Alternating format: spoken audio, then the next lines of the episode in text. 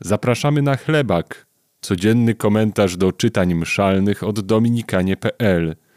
Dzisiaj usłyszysz Tomasza Albrechta z Lednicy i Szymona Bialika z Krakowa. Z drugiej księgi Samuela. Pan posłał do Dawida proroka Natana. Ten przybył do niego i powiedział: W pewnym mieście było dwóch ludzi. Jeden był bogaczem, a drugi biedakiem. Bogacz miał owce i wielką liczbę bydła. Biedak nie miał nic, prócz jednej małej owieczki, którą nabył. On ją karmił i wyrosła przy nim wraz z jego dziećmi. Jadła jego chleb i piła z jego kubka. Spała u jego boku i była dla niego jak córka. Raz przyszedł gość do bogacza, lecz jemu żal było brać coś z owiec i własnego bydła, czym mógłby posłużyć podróżnemu, który do niego zawitał.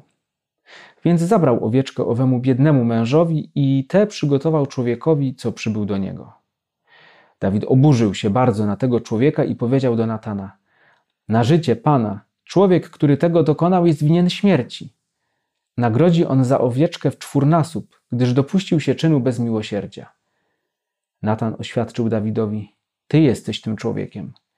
Dlatego właśnie miecz nie oddali się od domu twojego na wieki, albowiem mnie zlekceważyłeś, a żonę Uriasza Hetyty wziąłeś sobie za małżonkę.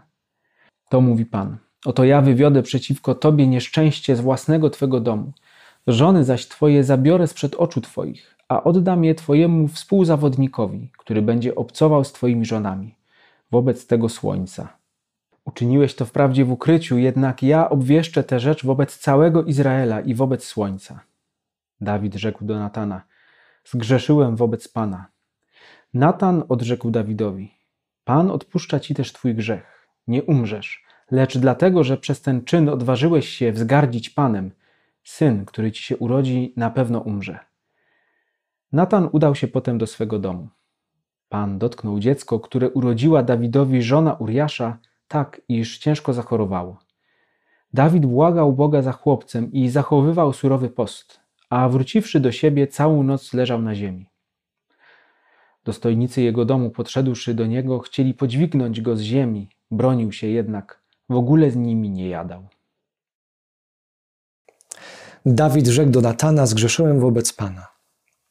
W dzisiejszym pierwszym czytaniu jesteśmy świadkami trudnej sytuacji jesteśmy świadkami tego, jak Dawid, e, pomazaniec Boży, człowiek e, żyjący w świętości, człowiek kochający autentycznie Boga, upada z powodu swoich własnych, niezintegrowanych pragnień. Historia króla Dawida jest historią każdego i każdej z nas, bo każdy i każda z nas e, doświadcza bardzo boleśnie w swoim życiu tej przestrzeni, jaką jest grzeszność. Niemniej, e, patrząc na, na, na to pierwsze czytanie, czytając je rzeczywiście sercem, można doświadczyć rozpalenia nadziei. Dlatego, że nawet kiedy prorok Boży e, wykazuje królowi grzech, to czyni to z miłością, pokazując jednocześnie drogę nawrócenia.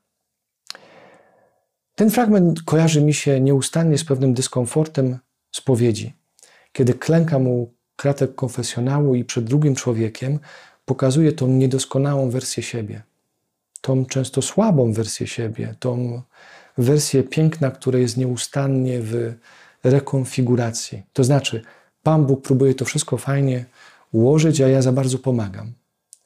Zachęcam więc dzisiaj i siebie, i ciebie, y, który słuchasz, czy która słuchasz tych słów, czy może oglądasz ten filmik, do tego, żebyśmy zrobili krok wstecz i popatrzyli z wdzięcznością na te wszystkie miejsca w historii naszego życia, gdzie usłyszeliśmy być może twarde, ale budujące słowa w konfesjonale i podziękować za ten moment.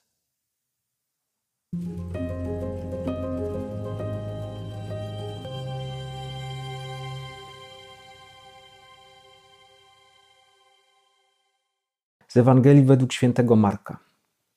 Gdy zapadł wieczór owego dnia, rzekł do nich: Przeprawmy się na drugą stronę. Zostawili więc tłum, a jego zabrali tak, jak był w łodzi. Także inne łodzie płynęły z nim. Naraz zerwał się gwałtowny wicher. Fale biły w łódź, tak że łódź już się napełniała. On zaś spał w tyle łodzi na wezgłowiu. Zbudzili go i powiedzieli do niego: Nauczycielu, nic cię to nie obchodzi, że giniemy? On wstał, rozkazał wichrowi i rzekł do jeziora: Milcz, ucisz się. Wicher się uspokoił i nastała głęboka cisza. Wtedy rzekł do nich: Czemu tak bojaźliwi jesteście? Jakże wam brak wiary?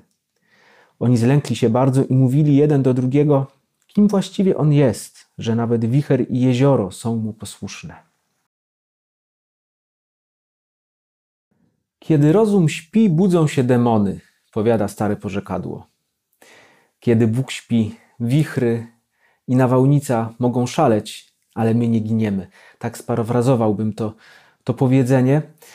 E, wydaje się, że w tamtym doświadczeniu, z którym chciał zetknąć Jezus e, swoich apostołów, e, paradoksalnie w swoim milczeniu, gdy spał, coś również chciał im zakomunikować.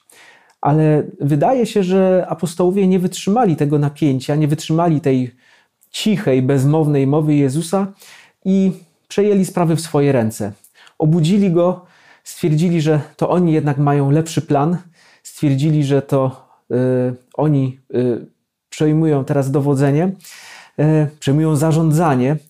Y, kojarzy mi się to bardzo z takim współczesnym, modnym myśleniem projektowym, które skądinąd czasami bywa bardzo owocne, ale oni chyba realizowali taki swój projekt Jezus. Oni dobrze wiedzieli, y, co, co robią, oni dobrze wiedzieli, co jest dla Jezusa najlepsze trochę coś takiego pobrzmiewa mi też w tych wcześniejszych słowach, gdy Jezusa wzięli tak, jak stał. No też po prostu mm, uznali, że, że tak będzie najlepiej. Oni wiedzą, jak się o niego zaopiekować. No i budzą go, czym trochę zmieniają, wydaje się, plany Jezusa, ale nie do końca, bo na tym właśnie polega geniusz naszego Pana, że cokolwiek byśmy nie zrobili, zawsze znajdzie sposób, aby do nas dotrzeć, aby do nas przemówić, e, aby objawić mu jakąś, aby objawić nam jakąś prawdę o Ojcu, jakąś prawdę o nas. I tak właśnie się dzieje. Tak właśnie się dzieje i padają te wspaniałe słowa, yy, słowa Jezusa, które my też chyba dobrze, żebyśmy wzięli sobie do serca i po prostu też mu zaufali. Gdy Twój rozum śpi, gdy Twoje serce śpi, budzą się demony lęku, podejrzliwości, niepewności, myślenia o tym, że Bóg mnie opuścił.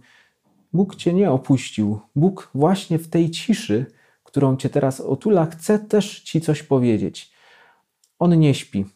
Z nim żadna burza na pewno ci nie zagrozi. Nie śpi, wiesz tylko i nie bądź bojaźliwy, bojaźliwa.